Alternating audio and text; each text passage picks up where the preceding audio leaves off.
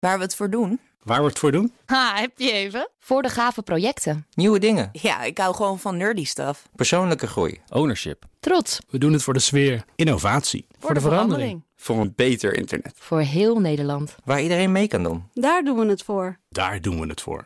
Waar doe jij het voor? Kom werken voor KPN en groei op jouw manier. Check de actuele vacatures op het gebied van data, security, development en networking op jobs.kpn.com/tech. BNR Digitaal wordt mede mogelijk gemaakt door SecureLink. SecureLink. Safely enabling business. BNR Nieuwsradio. BNR Digitaal. Herbert Blankenstein. Welkom bij BNR Digitaal. De meeste internetbrowsers, met uitzondering van Firefox en Brave, stoppen met de mogelijkheid om het zogeheten hyperlink auditing uit te schakelen. Online is veel kritiek op die beslissing, omdat de gebruiker hierdoor weer privacy zou inleveren. Mijn gast is Ralf Monen, technisch directeur van veiligheidsbedrijf Secura. Welkom. En ook hier aanwezig is Mark Griep, CEO van PA Consulting Group Nederland. Welkom. Um, Ralf, hyperlink auditing. We moeten het eerst maar even uitleggen. Wat is het? Hoe werkt het? Ja, um, ik moet zeggen dat het uh, voor mij een uh, onbekend begrip was tot voor uh, kort. Um, en ik denk dat dat voor heel veel mensen geldt. waar het op neerkomt is elke keer als je op een linkje klikt, dan ga je niet alleen naar die site, maar onder water wordt er alsnog een, een tweede verzoek gedaan naar een, ja, door de websitebouwer te bepalen andere URL. Dan, dat zie je niet als je met je muiscursor over de link heen mm -hmm. uh, zweeft. Hè. Dan uh, zie je vaak waar zo'n link echt naar verwijst. Maar deze zie je niet. Die kun je alleen maar zien als je de broncode van de HTML-pagina opent in de browser. Dan zie je dat er nog een tweede link is. En, en, dat heet een ping-URL. En uh, daar wordt dan ook naartoe gesurfd zonder dat je het hebt. En is dat altijd zo of kan dat? Ja, dat kan. Dat is niet altijd ja, zo. Nee. Maar bijvoorbeeld. Mijn homepage, uh, kan ik vertellen, is dat niet aan de hand. Nee, maar bij alle Google zoekresultaten wel. Ja, uh, Google zet dat automatisch in ja. zijn, heb ik ook gecheckt, in zijn search results. Ja. Zodat als ik naar een, zo'n link ga, als ik op zo'n zoekresultaat klik, dan weten zij door deze techniek op welke link ik heb geklikt. Ja, en wanneer.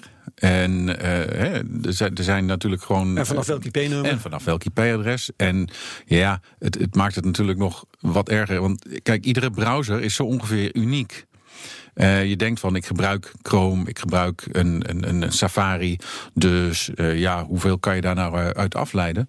Maar het blijkt dat de specifieke combinatie van exacte browserversie op exact platform met die en die plugins, met die en die uh, WebGL renderer, dat is de, datgene wat de grafische rendering op het scherm doet.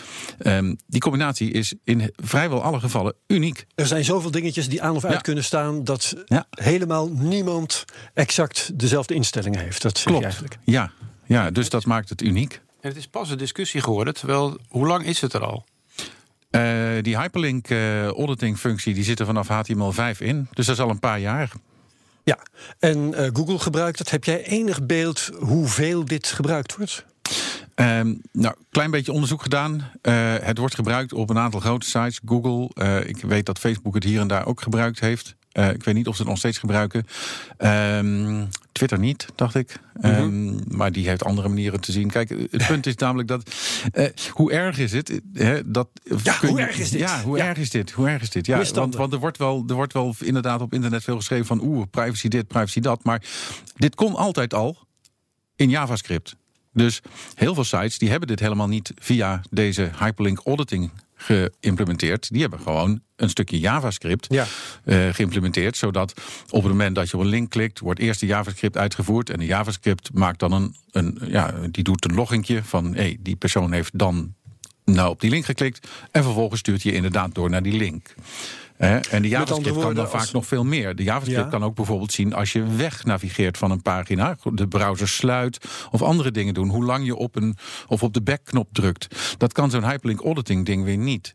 Dus in, in termen van hoe erg is het in, van privacy, ja, met JavaScript kan je veel meer Het is doen. dus een van de vele technieken waarmee zoiets kan. Ja. Ja, Eh, en dat is dus eh, niet nieuw, maar voor jou en mij was het wel nieuw deze Ja, week. ja, klopt. dus oké, dat is al reden genoeg om het wat eh, meer bekendheid te geven. Maar het eigenlijke nieuws is dus dat de meeste browsers tot nu toe ehm, dit, het toelieten om dit onmogelijk te maken. Ja. En daar gaan ze mee ophouden. Dat klopt. Ja, ze gaan het dus zeg maar geen opt-in meer. Dus je maar kunt er niks meer niet eens tegen doen straks. Je kunt niet eens meer opt-outen. Nee. Ja, Eh, oké. eh, vind jij dat een misstand?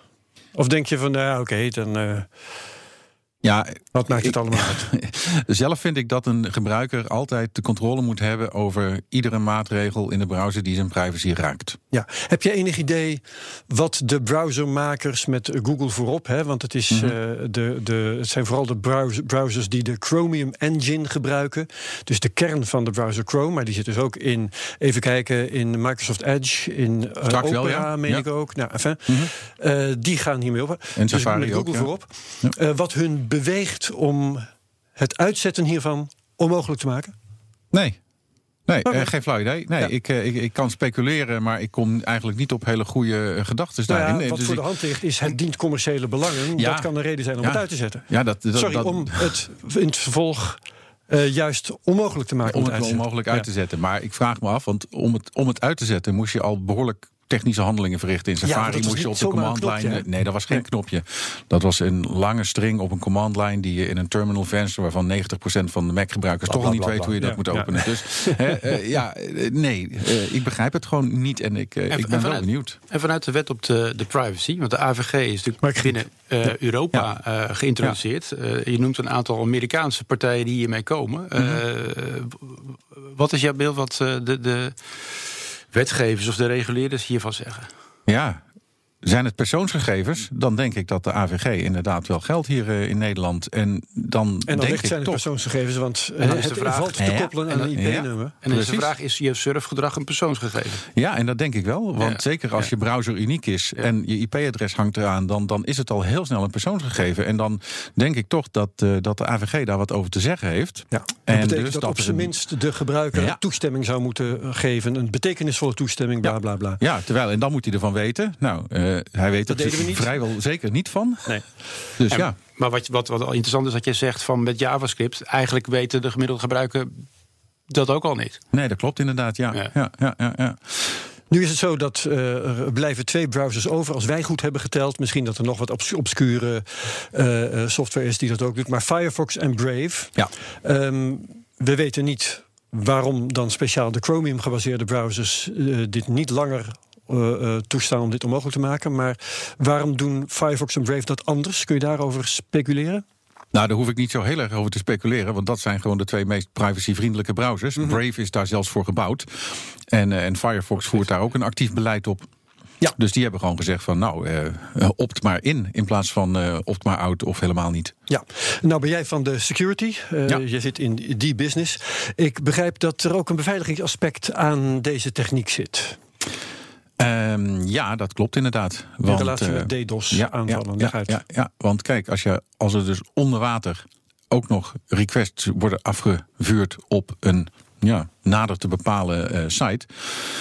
Dan kan een aanvaller eh, die de content van een webpagina kan manipuleren, die kan er dus voor zorgen dat dat allemaal verwijst naar één specifieke eh, eh, andere URL. Ja, En, en, eh, dat kan dus gewoon eh, een target zijn voor een, voor een DDoS-aanval. En dat is dus kennelijk al een keer gebeurd. Dat is al een keer gebeurd. Ja, ja, ja. Dus In dan, welk geval is dat uit te dat, leggen? dat, dat. Ik weet niet precies in welk geval dat was. Maar wat ze hebben gedaan is, dus ze hebben dus de content van die webpagina's zo aangepast dat die ping-URL onder water werd veranderd. En alle bezoekers van die pagina. Ja, en dat waren er behoorlijk veel. Hè. Dat was een high traffic eh, site. Die werden dan vervolgens onder water ook nog eens een keer ja, eh, zo'n request, HTTP request afgevuurd op die target site. Oftewel, ja, die kregen een DDoS voor ze kiezen. Ja, en ehm, dat is dus een probleem voor de maker van de website, maar niet zozeer voor de gebruiker, denk ik. Want die wordt niet gededost. Die Nee. werkt er alleen onbewust aan mee, als Ja. dit in zijn browser tenminste aanstaat. Klopt. Ja, ja, ja. Ja. dat is niets voor de eindgebruiker. Maar ja, goed, het is wel een impact voor de ja, target van de DDoS. Ja. Zeg jij op basis van dit hele verhaal, uh, jongens, allemaal naar Firefox of naar Brave? Nou, dat zeg ik sowieso. Oh. dat was jouw overtuiging toch al? Ja, ja, uh, en heb jij wat dat betreft nog een voorkeur? Want je zegt Brave is hier meer speciaal voor ontwikkeld. Ja, kijk, Brave is inderdaad een, een, een browser die privacy en security voorop heeft staan.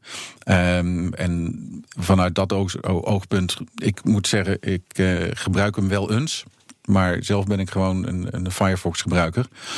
Um, ja, ik kan alleen maar zeggen, probeer het uit en kijk, kijk, wat, uh, kijk wat goed is. En blijf vooral niet plakken bij, uh, bij een Safari of een Chrome, omdat dat nou eenmaal het enige is wat je kent. Experimenteren, ja, download eens een paar nieuwe. Kijk eens wat er, wat, wat er mogelijk werkt. is. Wat, ja, precies, inderdaad. Ja. En er zijn ook bepaalde sites waarvan ik weet, ja, die moet ik gewoon in Firefox bekijken. Of die moet ik in Chrome bekijken, ja. want die werken niet goed anders. Dat is heel vervelend. is dit ene punt wat we nu besproken hebben, is, uh, nou ja, het is niet het leven hè, of, of de dood. Er zijn andere ja. overwegingen om een bepaalde browser te kunnen gebruiken. Ja. Ik hoor ook wel eens dat Chrome lekker snel is, bijvoorbeeld. Ja, ik noem maar wat. Ja. Um, nou, dus... Sommige dingen streamen beter, de caching is beter in sommige browsers. En uh, zelfs al kun je het niet meer uitzetten nu, deze hyperlink auditing. Um, er zijn al plugins gemaakt voor de andere browsers waar dat niet meer kan. Die de content van de pagina gewoon uh, dynamisch filtert en die ping-URL's eruit haalt. Oké, okay, dat is fijn om te weten. Wat dat betekent als je heel erg getrouwd bent met, ik noem maar wat, Chrome of uh, Opera, dan kun je die blijven gebruiken, maar ja. dan met een pluginnetje ja. erbij. Precies. Fijn. Dankjewel, Ralf Monen van Secura. Met een Raspberry Pi computertje kun je van alles.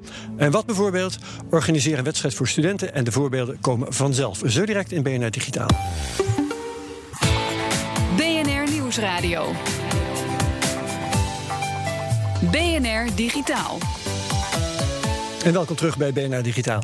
Het is een primeur in Nederland, een heuse Raspberry Pi competitie. Waarin studenten maatschappelijke uitdagingen oplossen met zo'n minicomputertje. Donderdag 18 april is de finale in de Johan Cruijff Arena. Ja, dat doen ze daar ook. Onder toezicht oog van staatssecretaris Mona Keizer van Economische Zaken. Te gast hier Mark Griep, CEO van PA Consulting Group. U heeft hem al gehoord. Uh, Consulting Group Nederland moet ik voluit zeggen, geloof ik. En uh, samen met House of Digital zijn jullie de organisator. Uh, organisator van deze competitie. En ook aangeschoven Melle Benink, student Human Technology. Ik wist niet dat dat yes. bestond. Ja. Ook leuk aan het Rijn-IJssel College in Arnhem. Jij bent van een van de deelnemende teams. Uh, Ralf Moon is er ook nog technisch directeur van beveiligingsbedrijf Secura. Uh, Mark, om te beginnen maar eens eventjes. Waarom zo'n competitie? Ja, waarom zo'n competitie? Nou, als uh, PA, als bedrijf zijn wij in innovatie en transformatie blijven helpen bedrijven om mee te helpen innoveren en een bedrijf beter te maken. En innovatie vinden we een heel belangrijk onderdeel uh, in het bedrijfsleven. Maar uh, waar begint het? Het begint zeg maar het, het, mensen leren kennis maken van nieuwe technologieën. Uh, wat je ermee kan, wat voor toepassingen er zijn en hoe je ermee eh, mee kan werken. Ja. Wij zijn ehm, als bedrijf hebben wij laboratoria over de hele wereld, waaronder ook in Cambridge. En daar zijn wij vijf jaar geleden begonnen met het experiment om een Raspberry Pi. we kunnen daar zo nog even wat meer van wat Raspberry Pi is. Om die, om die aan studenten te geven en te vragen wat ze voor uitvindingen ze dan in het maatschappelijk belang mee kunnen doen. Vijf jaar geleden begonnen, uh, begonnen met 15 teams. Uh, dat is nu iets wat uitgegroeid is tot 300 teams. Echt een landelijk grote competitie. Olympiade. Een, ja, een Olympiade met, met, uh, met exposure, waar teams vanuit allerlei regio's over heel UK aan, aan participeren. En ja, prachtige uitvindingen naar ja. boven komen. Ja, nou, nu dus ook in Nederland. En uh, Melle, jij staat met jouw team uh, morgen in de finale. Wat was de opdracht die jullie kregen? Ja, de opdracht die wij hebben gekregen is uh, om het welzijn in huis te verbeteren. Mhm. -huh. Um, ja, nou is dat natuurlijk een hele brede opdracht. Ja, ja toegespitst. Um, en we hebben ervoor gekozen om een uh, robot te gaan maken voor studenten. Speciaal voor studenten die dan een beetje eenzaam zijn af en toe. Mhm. Uh, ja, om de, toch in het, in het huis een beetje sociale cohesie te, te creëren. Ja, dan moet ik natuurlijk meteen verduidelijking vragen, want hoe gaat dat dan? Nou, we hebben, ik heb zelf uit eigen ervaring, toen ik net op kamers zat, dan ja, kom je toch een beetje in een heel klein sociaal isolement eigenlijk. Weet je, je gaat ja. weg uit je, uit je sociale comfortzone. Je moet een nieuwe vriendenkring opbouwen. Ja, enzovoort. precies. Ja. En um, om die drempel een beetje te, te verlagen, hebben we er gekeken van, nou ja, wat, wat doen studenten? En bij mij was het zo dat er op een gegeven moment een huisgenootje die kwam naar me toe en die zei, uh, die, nou, er was een feestje gaan en die zei van, ik was een beetje dronken. Ja, uh, Melle, kom anders een biertje drinken bij ons. En, uh, en ik denk van, ja, waarom ook niet eigenlijk? Zeker. Maar dan moet je dus eerst zo iemand hebben die zegt van, hé, hey, kom anders bij ons een biertje drinken. En wij, toen hebben we daar een beetje meer over gebrainstormd. We hebben gezegd van, maar wat als je nou gewoon vanuit je eigen kamer, als jij dan een feestje hebt of zo, dat je zegt van, hé hey jongens, ik heb een feestje. Jullie zijn allemaal uitgenodigd. En zodoende hebben we dat een beetje ja, weten te, te integreren in een robot die, die de eenzaamheid moet. Uh, maar moet ik begrijp nog niet hoe die robot dat dan doet. Uh, nou, wanneer jij dus een feestje hebt, dan geef je in die robot, er zit een display in. Uh, geef jij aan van ik heb een feestje en uh, iedereen is uitgenodigd in het huis. En andere gebruikers van die robot in het huis, die krijgen dan een klein signaaltje in hun robot. Um, en dan kunnen ah. ze. Op de achterkant hebben we mooie deurtjes geplaatst. En dan kun je, zie je het display en daar staat dan op uh, biertje bij Melle. Oké. Okay. En ja, dan ben je uitgenodigd. En dan hoef je niet te zeggen van ja, ik kom of ik kom niet helemaal open. Maar dan kun je gewoon. Ja, dus dan moet je allemaal zo'n ding hebben en de robots die communiceren dan met elkaar. Ja. Okay. ja. Klinkt als een, een, een soort opgevoerde smartphone. Ja, ja, nou ja, dat is de. Zo'n smartphone is ook weer zo'n zo'n dingetje waar je dan, dan moet je wel weer zo'n WhatsAppje sturen en dan moet je ja. wel weer elkaars nummers hebben. Dus dachten we van laten we dit gewoon in een, in een robot stoppen. En um, ook voor de mensen die dat dan heel spannend vinden... of die misschien niet zo vaak feestjes geven, die dat niet willen. We hebben er ook voor gekozen om er een plantje aan de bovenkant uh, te integreren. Zie op jouw scherm zie ik ja. allerlei groenvoer voorbij komen. Ja, precies. Ja, ja.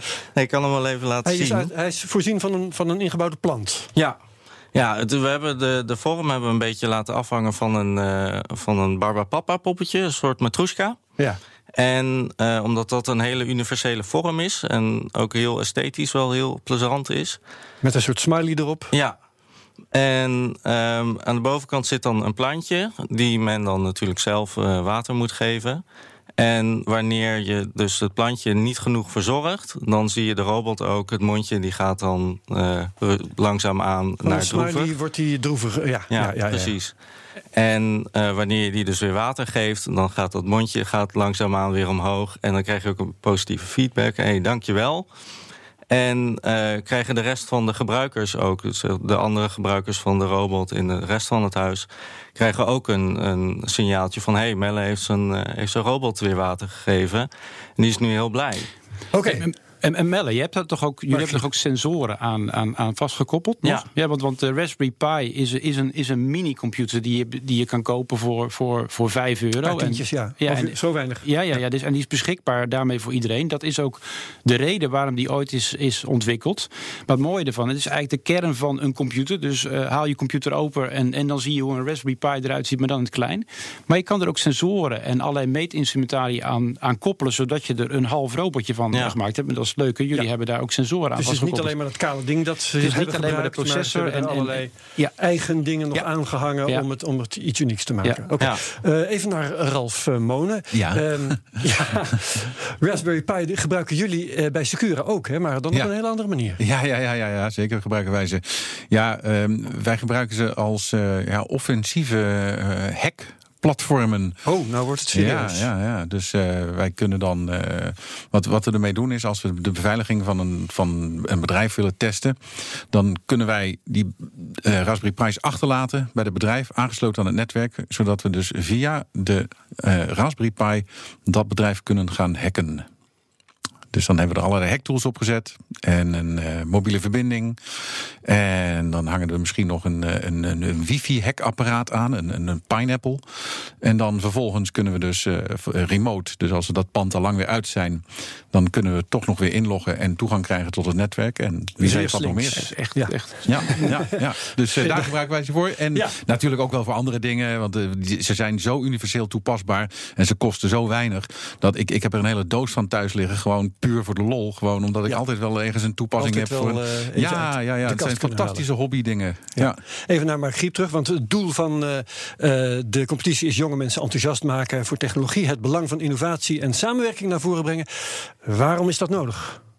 Nou ja, allereerst ehm, is, is het volgens mij belangrijk in de wereld waarin technologie een steeds belangrijke rol vindt, om daar zo vroeg mogelijk mee uh, studenten, scholieren, kinderen mee in aanraking te brengen. Om zowel de mogelijkheden als de onmogelijkheden daarvan te leren. We hebben het natuurlijk net gehad even over privacy. Maar hier, hier zie je wat de kansen zijn van technologieën. En ik denk dat het ook belangrijk is om te, eigenlijk te leren uh, hoe, hoe um, um, simpel en eenvoudig mogelijkheden zijn om die te maken. En ook door uh, studententeams te laten samenwerken. Want het heeft ook te maken met creativiteit. Ja. He, dus, dus teams is het niet alleen, het gaat niet om de technologie, maar de, de groep samen te laten werken. Om hoeveel leuke dingen je dan niet zou kunnen maken. En als ik dan nu ook kijk naar het lijstje. En morgen is de, is de, is de jury er. Dus uh, morgen wordt het spannend uh, van welke van de 16 het gaat, gaat winnen. En, en, en kijkend naar de ideeën die daar liggen, ja, die zijn, die zijn variërend van het voorbeeld voor de studentenhuis. Van uh, misschien wel meer een, noem het maar meer een maatschappelijk vraagstuk rondom de luchtkwaliteit. Om, om dat te toetsen. Oh ja. Tot aan uh, een, een, een toepassing om uh, de bodem van vogelkooien op te schonen voor ouderen die eenzaam naast een vogel zitten en dan zeg ja, maar ja, niet goed te been zijn. Ja. Um, en wat ik zelf daar nog het leuke aan vind, is de, de, de ideeën.